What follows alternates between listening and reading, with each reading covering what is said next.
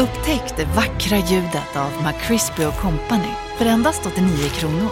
En riktigt krispig upplevelse. För ett ännu godare McDonalds. Varmt välkomna till ett nytt avsnitt av Sportklubben. Eh, Hansson och Sjölin finns här vid mikrofonerna och man kan säga att det har varit nyhetsläge på redaktionen den här dagen. Det är ju tisdag eftermiddag när vi spelar in detta. Ni hör detta på onsdag morgon och Jakob, eh, ja, ge oss en sammanfattning av vad vi har gjort här de senaste timmarna sedan vi började jobba idag. Ja, det brann till som man brukar säga i branschen. Eh, fick sätta lite av den ordinarie planeringen åt sidan. Eh, det var väl egentligen igår kväll som det började komma lite signaler om att det skulle hända något idag. Eh, att eh, Sebastian Dyk och Ludvig Blomstrand var på väg tillbaka till eh, SSK. Och eh, strax före 10 så fick vi då klart för oss att det skulle startas en eh, eh insamling bland supportrarna eh, för att swisha då till den här, de här dubbelvärvningarna. Och eh, ja, mycket riktigt 10.00 så gick man ut med det. Eh, och det visade sig också då enligt våra uppgifter att, att de här övergångarna är klara. Eh, och det är ju oerhört häftigt och satte igång en del eh, att göra för oss. Eh, livesändningar och nyhetsartiklar och krönikor och uppföljande intervjuer. Och vi har väl lika mycket kvar på listan för onsdag och torsdag och fredag den här veckan. Mm, så är det. Och så ska vi spela in den här podden också. Mm. Och eh, naturligtvis så kommer ju eh, en stor del av det här 78 avsnittet av våran eh, hockeypodd att handla om Ludvig Blomstrand och Sebastian Dyk. Men vi ska inte bara prata om dem, vi ska eh, vända och vrida lite på hur de ska in i laget och sådär, men eh, vi ska också prata lite annat. Vi har ett litet silly-avslöjande också eh, som kommer eh, längre fram i avsnittet också och eh, ja, prata spelare med konstiga namn ska vi göra också. Ja. Spelare med konstiga namn? Ja, du vet inte vad jag har på gång. Nej, okej. Okay. Du får höra. Du får ta med mig på den här resan så följer jag med. Varmt välkomna allihopa till avsnitt 78 av Sportklubben. Vem är där? Om inte Sebastian Dyk som är där och styr pucken när Grossman skjuter.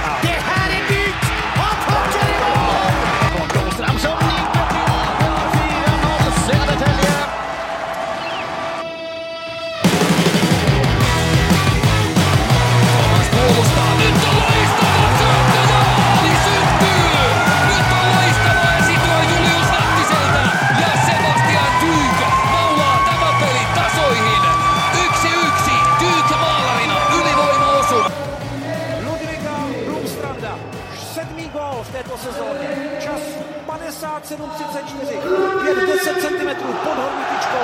Dokonalá rána, na kterou Jakub Neužil nedosáhl. Tady je muž, kvůli kterému Ja, Ludvig Blomstrand och eh, Sebastian Dyk är eh, det stora samtalsämnet. Eh, kommer nog vara så den här veckan också och ja, vi har ju snackat om dem i en tv-sändning som finns på lt.se att eh, se om ni vill det. Jakob, du har skrivit krönika på detta och Eh, du skrev bland annat om Sebastian Dyk tillsammans med Videll de två bästa SSK-spelarna senaste tio åren. Och det är fina ord. Vad får dig att eh, skriva så?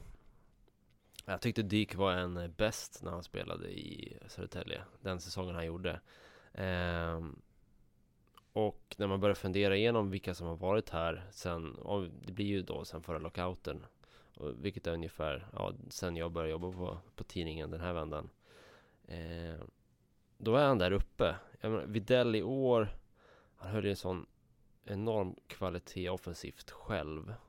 Att han kunde liksom driva laget och slänga upp dem på sina axlar. Och Dyk, han hade ju Mayer med sig, de var det här radarparet, Mayer gjorde fler poäng. Eh, men det kändes som att det var Dyk som var den alltså, bärande bjälken i det, det bygget. Eh, när han inte spelade så, eller när de särades på, så Dyk var fortfarande bra, men jag minns det som att Majer försvann lite då. Att han inte hade någon att sätta upp eller som, som han kunde spela med. Eh, och han var så komplett tyckte jag som forward. Eh, dels hade han eh, målskyttet, han hade speeden och han hade försvarsspelet också.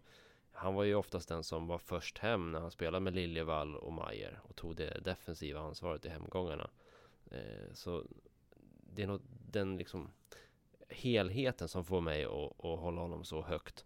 Eh, men sen är det klart, alltså det, det är, Nico Olesen är väl där och konkurrerar också men eh, som sagt jag tycker Dyk var komplett på en helt annan nivå. Och också Alltså allt, alla stats var bra med honom. Eh, det, det så, Han blev en supporterfavorit. Eh, han klarade ögontestet med, med bravur. Eh, En atlet som Alltså han, han gick igenom en del säsonger i början på karriären där han och med rätta kanske kritiserades för att han inte tog sin fys och kost och på allvar och så. Sen han, så gjorde han ju precis tvärtom och när han var i Södertälje så var han ju hur vältränad som helst. Menar du med ögontestet att han är liksom spektakulär att Nej se men på? alltså Man brukar ju säga ögontest och data att det är liksom Det ena är att man scoutar på plats eh, Och att ja, det såg också bra ut med den klassiska liksom, bedömnings Och man bara bortser från alla, alla Fattar. all, all statistik Men det var också bra eh, Nej men så att eh, Jag tyckte han hade, hade allt när han spelade i Södertälje. Och eh, Lite annan spelartyp än, än Videll och de här andra toppspelarna som man jämför med. Men eh, För mig är de två i särklass. Och då får man väl tänka att Alltså även om Pasternak och Nylander spelade i Södertälje så var ju de ju såklart större talanger men inte färdiga spelare på samma sätt. Eh, det hände ju mycket för Pasternak bara något år men han var ju så så ung när han spelade i Södertälje. att det inte riktigt går att jämföra tycker jag med en, med en eh, seniorspelare i sin peak. Eh, så därför håller jag hon, dem, det kanske var häftigare att se Pasternak och Nylander bryta fram men de var inte lika bra. Och det är lite mer häftigt kanske i efterhand också Såklart. att de har varit här Såklart. och eh, framförallt Pasternak har ju dykt upp i Scanarinken med jämna mellanrum och blivit viral på olika sätt. Ja. Sen vet jag inte vilka mer man kan liksom ha i diskussionen. Några har haft enskilt bra säsonger. Ja, men som sagt, Blomstrand är också där någonstans med sina toppsäsonger. Fleury kanske någon säsong, men det känns som att han åkte också lite räkmacka med, med, med Reed och Hagelin. Eh, de vill inte ens ta med i diskussionen för de var så bra och så kort tid. Eh, vad har vi mer? Mm. Det är, men- det är väl lite så. Det, det säger ju någonting med, ja Mm. men precis såklart. Nikolaj Mayer också naturligtvis eh, som gjorde mer poäng än Dyk. Men jag tycker det säger någonting, det är fina stats det här, 28 mål, 28 assist. Mm. Lika många mål assist eh, säger ändå någonting om en spelare tycker jag på något sätt. Alltså att det är, det är inte bara en målskytt, det är inte bara en passningsläggare, det är någon som också bidrar med mycket annat. Mm. Ja, det, om, om Bogren vill så kan han ju använda dyk i alla spelformer. Alltså jag undrar, är det no- kan man begära mer av en forward än vad potentiellt Sebastian Dyk kommer med så att säga? För nu, han, som du är inne på, han, är, han har farten, han har hemjobbet. Du var inne på i din krönika att han eh, lyfte fler klubbor än någon annan i princip, alltså att han jobbade hem och han vann tillbaka puckar. Eh, ja, han är högerfattad dessutom, vilket ju alltid är en, ett plus eftersom det är svårt att hitta. Eh, det ger ju möjligheter det känns ju som en given spelare i en första formation i Hockeyallsvenskan, så som vi känner honom. Mitt, mitt korta svar på det är ja och nej. Alltså ja, du, det är, han är given och nej, du kan inte kräva så mycket mer. Eh, sen, det är ju med reservation för att jag har ju sett exakt noll minuter av finska ligan de senaste åren. Och vet inte riktigt var han står. Eh, han, är, han var väl 26-ish när han var här förra gången. Och nu ska han fylla 31 i höst. Så eh, det kan ju vara lite annan spelare som kommer tillbaka. Eh, men av det vi vet så, så är det ju en drömvärvning. Ja, det är ju det. Alltså, han har spelat fem säsonger nu i finska ligan, eh, tror jag. Undrar om jag inte Mm. tror snurrar till det. Fyra. fyra? Jag tänker, jag, räkna, sin femte. jag räknar in Mm. det här kontraktsåret han har Mm. kvar, ja. Precis. Så fyra säsonger i Finland och eh, inledde ju otroligt bra där. Jättefin säsong direkt efter att han hade lämnat SSK. Sen lite sämre säsonger. Men ändå eh, verkar vara en bärande spelare där. Jag har gjort bra med poäng även i, i de slutspels eh, eh rider som de har haft i Helsingfors IFK då, som han spelar för. Um, och, och jag vet inte, vad kan man förvänta sig? Jag har varit inne på det här tidigare i podden med Blomstrand, att det kan nästan bli för höga förväntningar på något sätt. Alltså när det kommer tillbaka en spelare som har levererat så här bra. Och så, eh, ja, det går nästan inte att toppa på något sätt. Nej, så är det kanske förstås. Men 20 mål tycker jag man ska förvänta sig. Det, det ska man förvänta sig av båda de här spelarna. De, de kraven måste de kunna leva med. Eh, utan tvivel. Och jag tror att de vill ha de kraven på sig själva också. Det, det var aldrig något som Blomstrand backar från. Det var aldrig något som Dyk backar från heller. Att de hade förväntningar på sig när de här. Eh, och det, det ska de ha cred för. Man behöver bra spelare som vill ta det ansvaret. Och det är klart att det, så länge laget vinner spelar det ingen roll. Men är du en offensiv spelare så hjälper du laget att vinna genom att göra poäng. Eh, det, det kommer man inte undan. Hur mycket kan man förvänta sig? Alltså om man tittar på, nu minns jag inte riktigt, men jag, det ser ut som att eh, Helsingfors missade slutspelet hans första år eh, i, i Finland. Ja, nu sätter mig lite på pottkanten. Ja, jag vet att han spelade i var alla fall inga slutspelsmatcher då. Jag tror, inte, så. jag tror inte han var skadad. andra säsongen kanske. Andra säsongen, så, sen dess har de gått till slutspel. Eh, och han- då kan man ju tänka sig att laget har blivit lite bättre, inte lika stor roll, eh, därav lite mindre produktion. Eh, tittar man på andra spelare som varit i Finland och gjort runt 20 poäng, 30 poäng, så är det ju ofta bra hockeyallsvenska spelare. Det fi- finns inte så många liksom, eh, att jämföra med som jag kan komma på nu så här på uppstuds. Eh, vi har snackat om några. Eh, de som ligger närmast till hand är ju Scott Pooley som gick till Björklöven i år och gjorde 34 poäng i finska ligan. Löke var ju över, eh, som också inte är en helt olik spelartyp. Eh, vad gjorde han? Något liknande? Ja, precis. Jens Löke 12 plus 17 nu senast här och eh, har väl gått in och gjort en poäng per match ungefär i, i, i Björ- Björklöven nu på Mm. slutet. Mm. Eh, Axel Ottosson som spelade Björklöven förra säsongen har gjort 26 på 38 i Finland i år. Så det verkar ändå vara som att man, ja, en hockeyallsvensk spelare som gör en poäng per match snittar lite mindre i finska ligan. Mm. Så jag tror inte att det behöver vara någon dramatisk eh, risk för att eh, Dyk har blivit en sämre offensiv spelare än när han var här förra gången. Mm.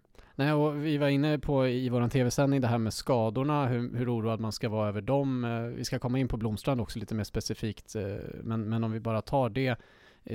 Jag var osäker då på om Sebastian Dyk hade kommit tillbaka från sin skada, men det har han ju. Han har ju spelat nu i slutspelet, precis som med Blomstrand, så har de ju båda spelat efter att ha haft skadeavbrott den här säsongen. Så att, ja, det känner ju i alla fall jag då att man kan bli lite mindre oroad över, över det. Det borde inte vara en faktor egentligen.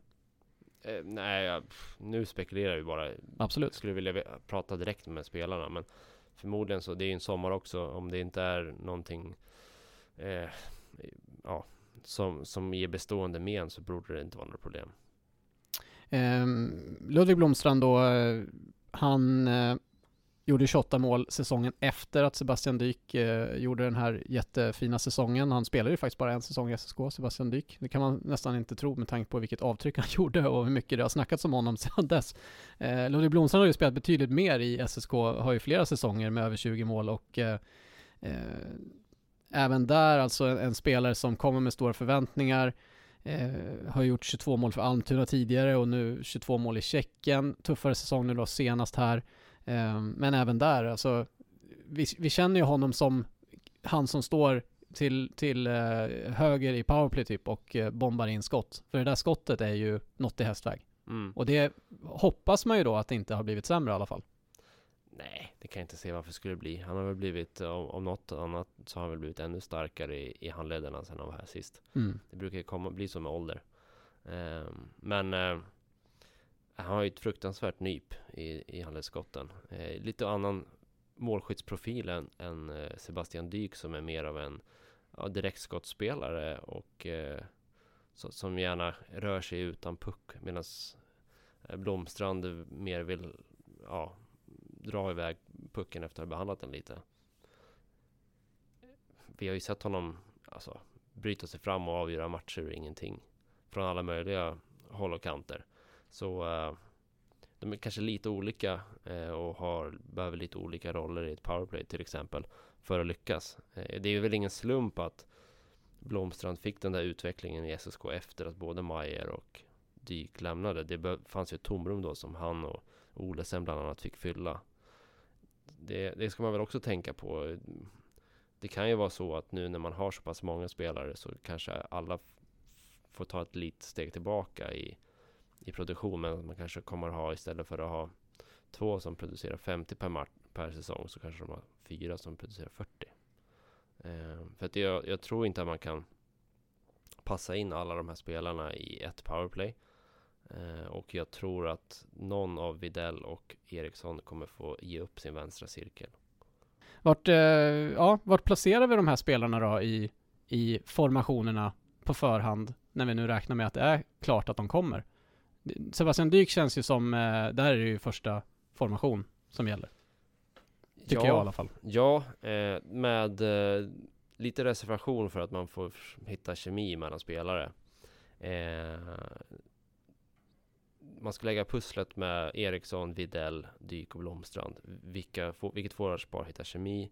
Vilka behöver en kanske mer tvåvägsspelande center som Engsund och vilka behöver eh, en, ja, en offensivare center som det verkar som att man ska ha in. Mm. Jag, jag kan ju se ett scenario där formationen med Dyk spelar en, med en offensivare center. För att Dyk är så pass bra defensivt. Och eh, formationen med Blomstrand och Marcus Eriksson till exempel. Eller Blomstrand och Videll kanske behöver en Engsund. Mm. Ja, men eh, alltså utifrån de eh, luckor som finns innan, eh, nu, innan vi nu pratar om Dyk och Blomstrand så är det ju det är ju de två främsta formationerna som vi pratar om. Mm. Allt annat är ju spikat. Mm. Och det är svårt att se dem någon annanstans. Så att, ja, det, det är ju som du säger, det handlar bara om vilka som hittar kemi med varandra. Vi kan nog räkna med att Filip Engsund får chansen som andra center och så är det då den här första centern eh, som ska in och ja, återstår att se vilka som passar bäst med varandra. Men ja, det, det låter ju ganska bra att tänka sig Linus Widell och så kan vi ju tänka oss då Tyler Wessel som har öst in poäng i Hockeysvenskan tidigare och Sebastian Dyk. Det hade ju varit något. Där, ja, det hade varit en jättespännande kedja att se. Eh, särskilt, alltså, Dyk och Videll hade kunnat vara otroligt bra. Eh, jag tror också att det finns en vits. Alltså, ingen av Videll eller Marcus Eriksson är några liksom, höghastighetståg på, på isen längre. Mm. Däremot kan ju Videll trampa igång när han väl får upp farten och då är han ju väldigt svårstoppad. Eh, det är väl det som jag ser här som Alltså om man hittar en, en jag vet inte hur snabb Wessel är längre på, på här. Jag har sett lite för lite SHL nu. Alltså det är ingen supersnabb Nej. skrinnare så väl, men För det som gjorde Dyk och Majers eh, kontringsspel så effektivt var att båda var riktigt snabba skridskoåkare. Eh, och de behövde någon att spela med. Eh, någon som kunde liksom matcha dem, det omställningstempot. mm. Dyk var väl den som var kvickast medan Mayer var, var bra på att ligga på rulle och nästan så här förutsåg när det var dags att sticka. Eh, så där kan ju vara en sån grej att vill man få ut det kontringsspelet med Dyk till exempel då Ja, jag vet inte vem som är bäst att sätta honom med. Kanske Widell ändå. Eh, oklart. Men eh, det är svårt att hitta någon som matchar honom i speed i alla fall. Och sen är det den här dynamiken med fattningarna. Är det viktigt för Bogren och Zachrisson att, att sprida ut rightarna? Då kanske Dyk inte kan spela med en rightad center om man bara har en Mm. till exempel. För då får du tre leftare i, i andra kedjan. Ja, men, eh, men ja, det blir ju spekulativt lite grann nu Mm. så här på förhand såklart. Eh, Man kan bara placera ut spelarna lite grann och tänka sig hur det skulle kunna bli. Det är ju ganska enkelt i alla fall på så sätt att placera ut spelarna utifrån. Det, det känns på förhand nu som att det blir en ganska tydlig hierarki i laget. Vilket inte behöver vara fel. Eh, särskilt inte med tanke på hur det var senaste säsongen som har stötts och blötts ganska mycket med eh, ja, i det här fallet då nordamerikanska spelare som kommer in, tror, förväntar sig, ska få en större roll än vad de kunde få. Nu blir det ju ganska tydligt från början vilka som ska in vart. Ja. Nu känns det som att det blir max tre importer i det här laget. Eh, på sin höjd. Det- kan bli en back, en center och en målvakt. Eh, sen är resten svenskt. Ja, så blir det ju. För man lär ju inte det skulle värva- jag tro. Man lär ju inte värva en import för att vara trettonde forward. Nej. Eh, för framåt, förutom en center, så är det det som återstår. Man ska ha in eh, en trettonde forward som kanske kan spela center också. Och eh, ytterligare kanske någon forward, tycker jag i alla fall. Så att man är 14, 14-15 i, i truppen för konkurrensens skull. Men någon av dem kan ju vara en junior till exempel. Mm. Nej, alltså breddspelare kommer inte komma in så mycket mer tror jag överhuvudtaget. Ja. En andra målvakt. Det är väl en breddspelare om man säger så då. Albert Sjöberg är ju kontrakterad. Absolut. Men han känns inte som att han har en plats på fyra kedjor just nu. Nej, vi pratade ju länge om det förra podden och det är ett lite annorlunda läge där, men eh, just nu så verkar det ändå som att spåret är att han ska vara kvar. Ja, och det är ju som sagt, det, man behöver konkurrensen. Och han har visat ett intresse tidigare av att, för det här kommer jag ihåg, vilken coach var det som berättade det? Eh, jag tror att det var Hånberg som berättade att eh, Sjöberg själv på eget initiativ ville gå med på boxplay-möten när han inte spelar boxplay. För, Just att, han- för att han vill bli mer av en tvåvägsspelare. Kan han hitta det, det spelet tror jag också att han kanske har, alltså kan han utveckla defensiven och bli en tredje lines forward, då har han också bättre möjligheter tror jag att kliva uppåt i seriesystemet. Mm. Eh, så det hade ju varit guld för SSK om man fick, en, fick honom i, i en sån roll. Och nu kom vi in lite på Albert Sjöberg, men vi kan väl dra det bara. Alltså, jag har fått från två ganska bra källor senaste tiden här bara att Alltså vad gäller Albert Sjöberg, som för övrigt nu är över i, i Dallas eh, organisation och tränar med AHL-laget tror jag. Han är i alla fall där över och, och hälsar på. Han har inget kontrakt med Dallas, han är inte signad så han får inte spela på något sätt. Men han är i alla fall där, så att vi får snacka med honom när han kommer hem igen. Men eh, vad jag förstår så handlar det inte om att han vill härifrån eller att han har bråttom med att få en stor roll eller något i den stilen, utan egentligen så handlar det mest om folk runt omkring honom som har bråttom. Eh, Dallas verkar också vara ganska chill med situationen. Att eh, ja, han har haft en lite tuffare säsong men det kan bara vara utvecklande. Eh, och ja, så utifrån det så eh, finns det en del som talar för att han blir kvar och att det kanske skulle vara bra för honom. Men jag hör också att det finns SHL-intresse och det är mer än en klubb. Ja, och jag menar, det finns ju inget som säger att det är omöjligt för eh, för Sjöberg att göra en bra försäsong, slå ut, vad vet jag, Vio ur eh, laguppställningen så att han får vara extra forward. Och kanske han skulle kunna peta ner någon från tredje om han är så pass bra. Så att, ja, det är upp till honom.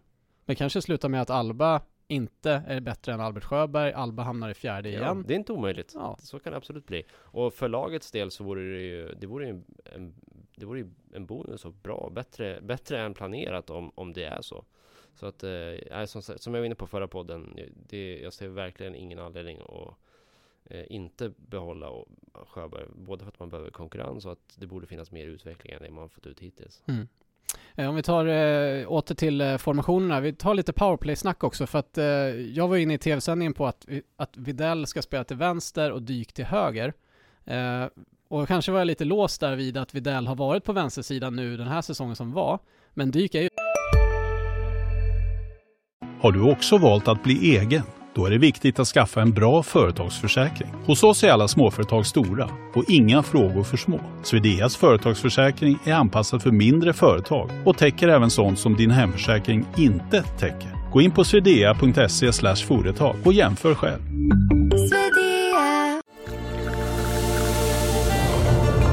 Välkommen till Maccafé på utvalda McDonalds restauranger med Baristakaffe till rimligt pris. Vad sägs om en latte eller cappuccino för bara 35 kronor? Alltid gjorda av våra utbildade baristor.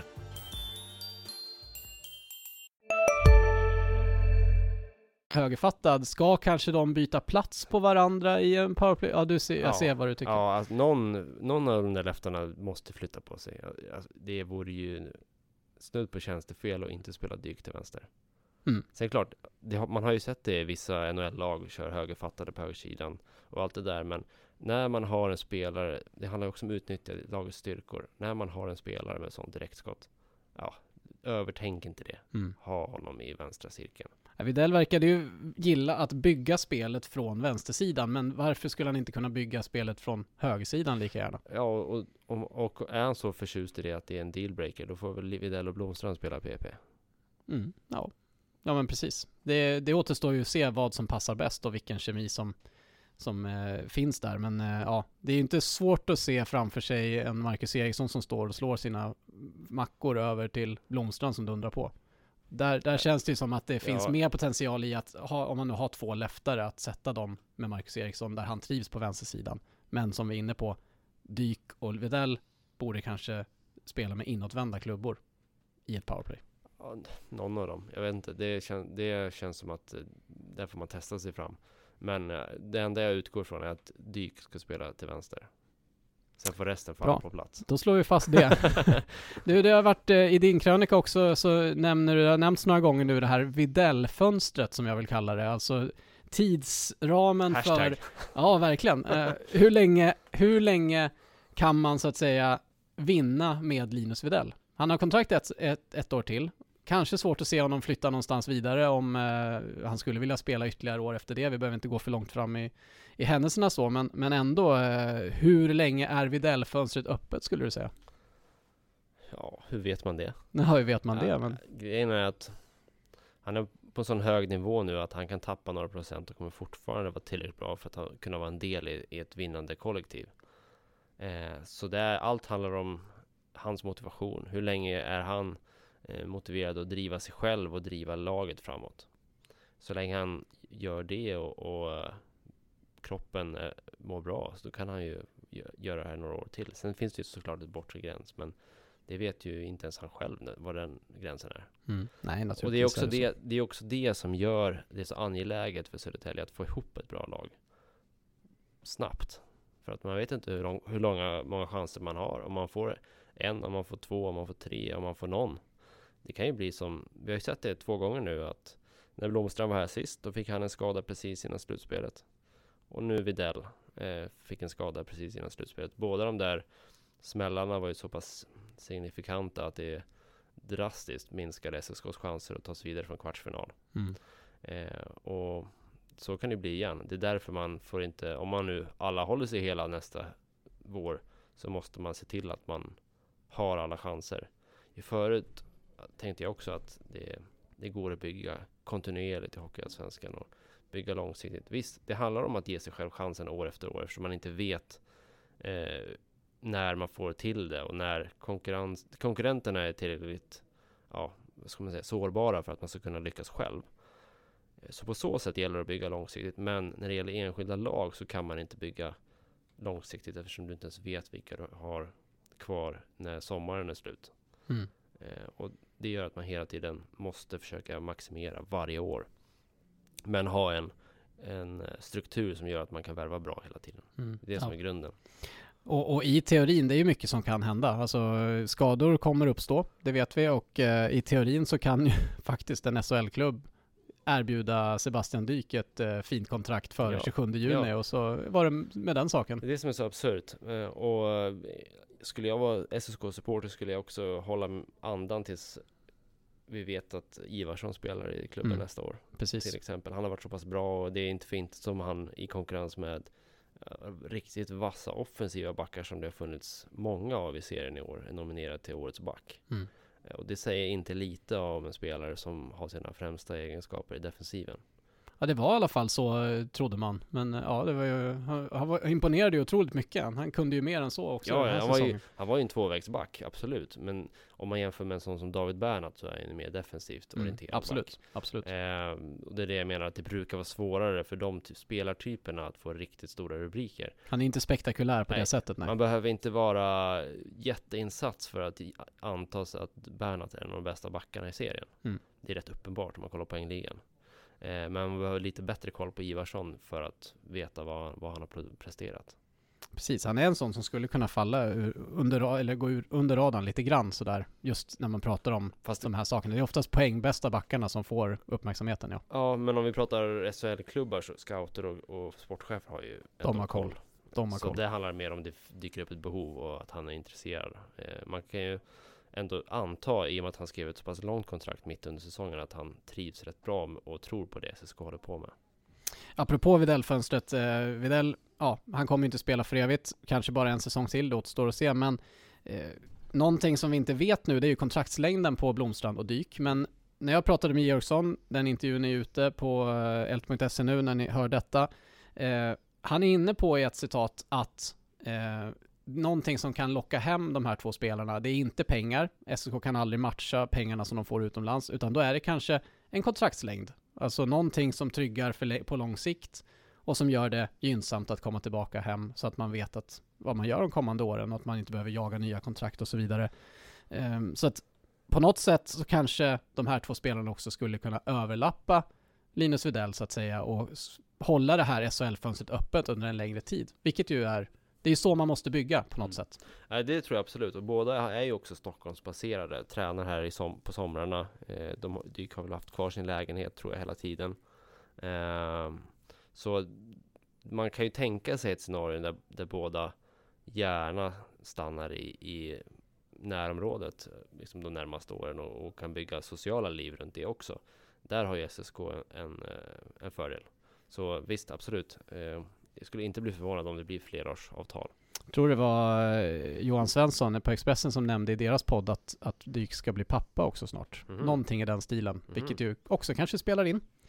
Kan man tänka sig. Ja, definitivt. Det, Om det stämmer. Vi ska väl hålla det lite öppet då eftersom det inte är våra uppgifter. nej, Ja, vi får hoppas då att han inte är pappaledig nästa säsong.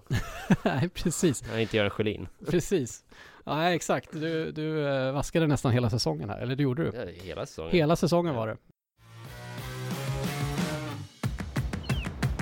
Vi får väl se när det än så länge inte officiellt bekräftat då att de här två spelarna kommer och kanske kommer det dröja tills åtminstone Sebastian Dyk har spelat färdigt, för han har ju faktiskt inte spelat färdigt utan hans eh, HIF, HIFK, de eh, är ju inblandade i det som är matchen om tredje pris. Och jag tror att det är en matchserie. Vänta. De kör ju det alltså i Spelar de Finland. en match som tredje pris? Det, det har de gjort alltså. De, de håller fast vid den här traditionen som det verkar vara i Finland. Att man ska göra upp om tredje priset. Och de möter Ilves.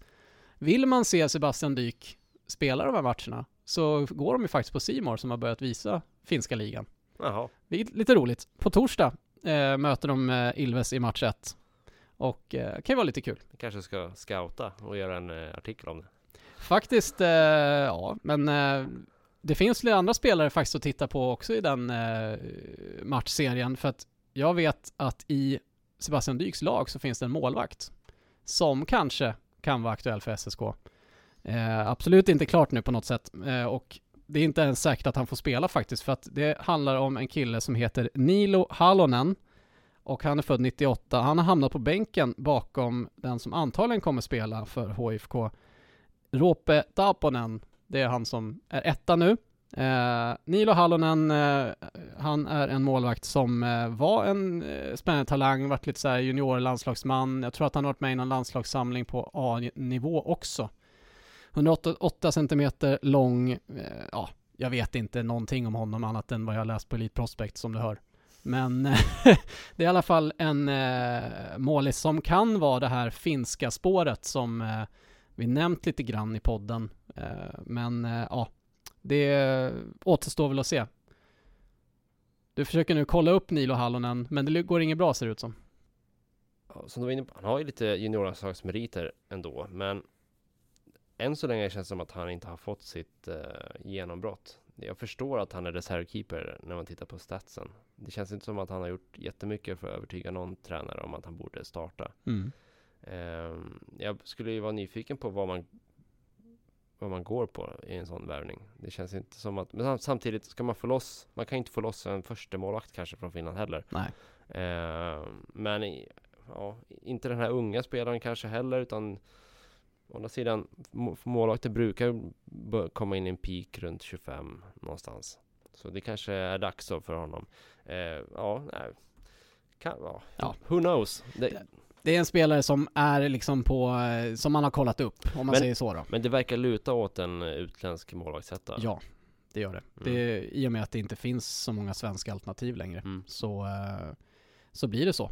Per automatik. Frågan är vart man hittar den här målisen någonstans. Ja, vi får väl se. Det finns ju en tradition ändå i Södertälje av att hitta bra utländska målvakter. Ja, kanske faktiskt. blir det en ny Stanja eller en Hudacek. Mm, precis, så något som jag bara, innan vi släpper den Hallonen, så jag tycker bara det är intressant att han har en väldigt liknande profil som eh, Jonna Voutilainen i Björklöven. Alltså att han har varit reserv bakom någon i finska ligan, inte har jätteglimrande stats, eh, samma ålder som när han gick till Björklöven, samma storlek, men ja, i övrigt, jag har inte sett killen spela och det är väl så man får göra när man scoutar en sån här spelare, man måste ju titta på honom Mm. såklart, man kan ju inte bara kolla Elite Mm. Prospects och, Mm. och gå på det.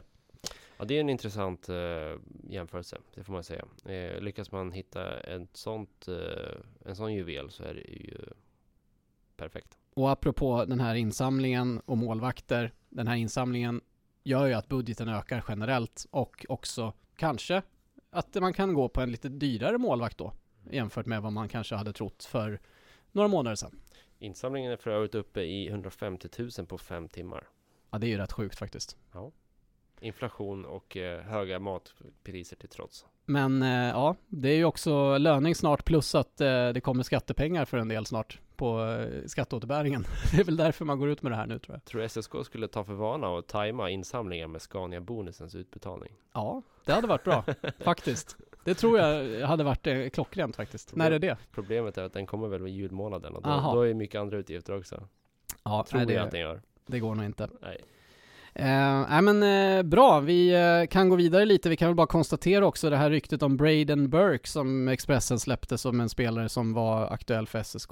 Det har jag hört att han faktiskt också var, men eh, nu avskriven, skulle ha varit kanske ett alternativ för, ja, Blomstrand eller Dyk, vet inte. Det är en poängspelare som har gjort det bra tidigare och i AHL och lite sånt där. Kommer inte komma till SSK och då vet vi det. Eh, kan också nämna just apropå Tyler Wessel att eh, han är alltjämt första valet som första center i SSK. Det har jag bra uppgifter på. Men även där har inte bestämt sig. Och det är lite så med de här spelarna, man får vänta. Eh, vi var inne på det i tv-sändningen också. Det, de här spelarna vill inte bestämma sig redan nu. Och eh, ja, det kan också vara så i hans fall att Björklöven gett sig in. Han har ju spelat där två säsonger, gjort jättemycket poäng för Löven. Löven har utgående kontrakt på bland annat Jakob Olofsson och Gary Fitzgerald. Så att de behöver nya centrar. Ska ju ladda om med ett nytt topplag nästa säsong såklart. Så att eh, vi får se vad som händer där med Tyler Wessel. Eh, och andra intressanta klubblösa spelare för de luckor SSK har. Vi har pratat om målvakterna. Det som återstår då, förutom en center, är ju en back, kanske till andra backpar. Emil Eriksson har ju varit inne på att man vill ha någon lite roligare, som han uttryckte det. Och eh, där får man väl ta in lite vad man, eh, vad man själv vill, vad man tycker är en rolig back. Det ska väl helst i alla fall vara en högerfattad. Och eh, jag har ett namn som eh, jag har hört som SSK är intresserad av, också apropå Björklöven. Eh, Veti Vainio, som eh, faktiskt är bekräftad att han ska lämna Björklöven, har ju inte blivit kanske den succén som de hoppades på. Men ja, en back som SSK tittar på och som matchar det här lite roligare som eh, Georgsson är inne på. Vad säger du om det? Alltså, lite roligare. Senaste tre säsongerna så har han gjort 9, 5 och 4 poäng. Men spelartypen är rolig. Han är ju flashig, Veti Ja. När han är i form. Men han har ju haft skador och grejer så att... eh, Det är ändå kul med mål känner jag, inte bara dribblingar. Jag tror att han kan bli en succé alltså den här killen. Jag kommer ihåg när jag såg honom första gången i Hockeyallsvenskan, alltså det var ju nästan så att man trillade baklänges alltså över hur flashig och spektakulär han var. Ja, sen har han spelat otroligt lite senaste säsongerna. Det, jag vet inte, jag tycker bara skriker röda flaggor om det här. Ja, jag är mer positiv i alla fall. Eh, och faktum är att när ni lyssnar på detta så kommer det finnas en artikel ute där Emil Jönsson i alla fall bekräftar intresset för Vetevainio. Och eh, han säger att, bland annat, eh, Vetevainio har en jäkla uppsida, som han säger, och eh, tycker att ja, det finns mer att hämta ut ur den här killen. Han har inte haft eh, tur med skador och så vidare. Han har kollat upp vilka skador han har haft och att det inte har varit förslitningsskador utan mer, han har tydligen haft fraktur på ett båtben till exempel i, i handen är ju det. Eh, som ska vara läkt och han har ju också spelat nu i slutspelet, varit sjunde back eh, ganska mycket tror jag för Björklöven.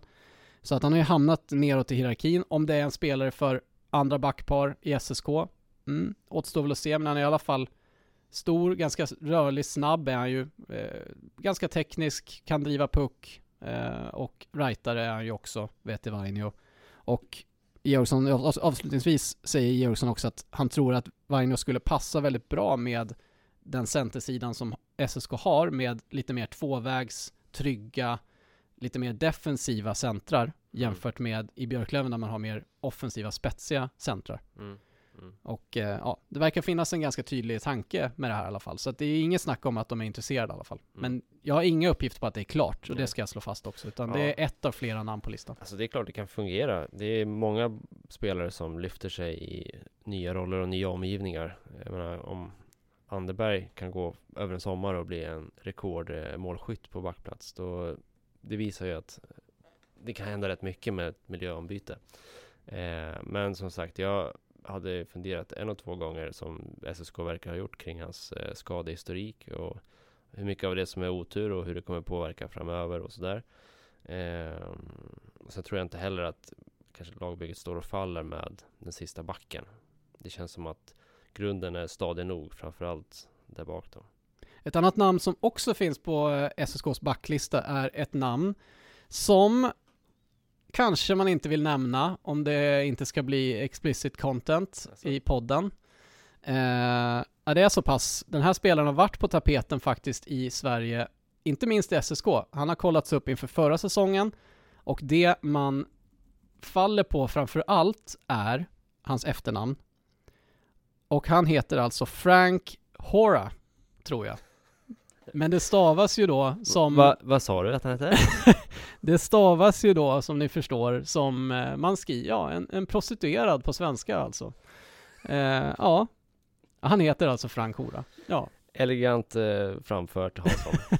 Eh, skulle kunna bli en mardröm för alla som kommenterar Hockeyallsvenskan om han kom till ligan. Eh, alltså, som jag förstår det så är det här en ganska bra back som SSK har scoutat, gillar. Det mesta ser bra ut, referenser, allting ser kanon ut, men han heter ju som han heter, Frank Men vadå? Hora. Skulle SSK undvika att värva en bra spelare menar du för att han har ett knepigt efternamn? Faktiskt, ja. Va? Kan man, men kan man värva en spelare som heter Hora? Men det gör han väl inte? Han det, heter ju det. Men vi måste ju ha fel efter, ut, uttal på Ja, det är klart att han inte, han heter ju, alltså man säger ju kanske Hora, jag vet inte. Jag, jag har inte kollat upp exakt hur man säger hans efternamn, men jag antar att man inte säger Hora på, på svenska när han... Finns från- det inte en, en NHL-spelare som heter typ någonting med Horan eller något sånt där? Ja, det tror jag. Det finns, eh, det fanns ju en i Luleå som hette Kukan. Till exempel. Dean Kukan från Schweiz. Som eh, sen gick vidare och spelar i Nordamerika tror jag. Om man inte har bytt sen dess. Det finns ju exempel på spelare som har hetat roliga saker. Du, du är helt liksom Alltså- på det här, det här ska, det här ska värvas om det är bra. I, I teorin skulle SSK alltså ha avstått att värva PK Subban för att han heter som han heter. Ja, Det är en helt absurd Kanske. anledning att inte värva en spelare. Men nu är det ju inte Så här- en så bra spelare det här. Annars är det ju självklart. Alltså då överväger ju, om du hade fått PK Subban till Södertälje. men om du tänker på samhällsklimatet som varit i Sverige de senaste året om åsiktskorridorer och PK-människor och så värvar någon som heter PK-Subban. Men ska du sälja in en spelare, ska du ha en spelare på isen som åker runt och det står hora på ryggen? Förstår du att det kan bli problem? Ja, men det skulle stå Subban på Subbans tröja också. Ja. Eh, ja, de kanske skulle, men ja. Om, om, om Frank Hora, Hora, eller An- vad han nu heter. Andreas, vad pratar vi om? nu har det gått för långt. Okej. Du tycker alltså att om SSK vill ha den här spelaren så är det bara att värva, skitsamma vad han heter? Ja. Ja, ja. jag hör bara att det här, det här är inte självklart.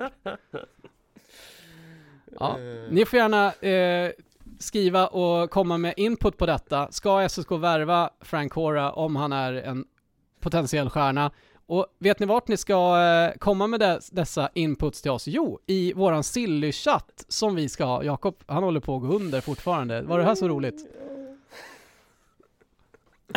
så här. Vi ska ha en Silly-chatt på eh, lt.se. Onsdag, när det kommer ut det här. Det här är onsdag när den här podden kommer ut. Eh, onsdag 19 april 17.00 öppnar vi upp Silly-chatten för första gången i denna Silly Season och sen eh, kommer vi ha den igång när det händer, eh, ja, ditten och datten som har med SSKs lagbygge att göra. Så att vi öppnar Silly-chatten, jag kommer vara där 17.00, snacka med er, eh, svara på frågor, ja, stöta och blöta vad ni vill som har med SSKs lagbygge att göra. Så eh, 17.00, det blir väl bra. Mm, vet du mer? Det, det fanns en basketspelare som hette Ho You Fat. Jag tycker det där blir alldeles utmärkt att eh, avrunda podden med för den här gången och eh, ja, hoppas att vi hörs i chatten och hoppas att ni alla tyckte att det här var riktigt roligt att lyssna på. Jakob han eh, behöver ett glas vatten tror jag och kyla ner sig lite grann för han, han eh, garvar fortfarande åt detta och eh, ja, det, det är ju eh, silletider så att eh, vi kan väl spekulera i alla möjliga namn. Har du ytterligare något som du vill droppa innan vi avslutar? Nej, jag kollar bara att han, att han hette Steve i förnamn, den där basketspelaren och spelar i... Ja, never mind. Han är, Stevie han, är från, Fat. han är från Frankrike. Stevie Fett. Nej, Steve Ho You Fat heter han. Hjälp. Ja. ja, vi vet ju, då, då hade han inte kommit till SBBK då, om det, eller? Vad tror du? Alltså, nej, det hade han inte. Men han är bra på riktigt. Hörrni, ni, eh, tack för den här gången. Det här var avsnitt 78 av Sportklubben. Nu rundar vi av här och eh, tackar för oss. Så ha det fint så hörs vi snart igen.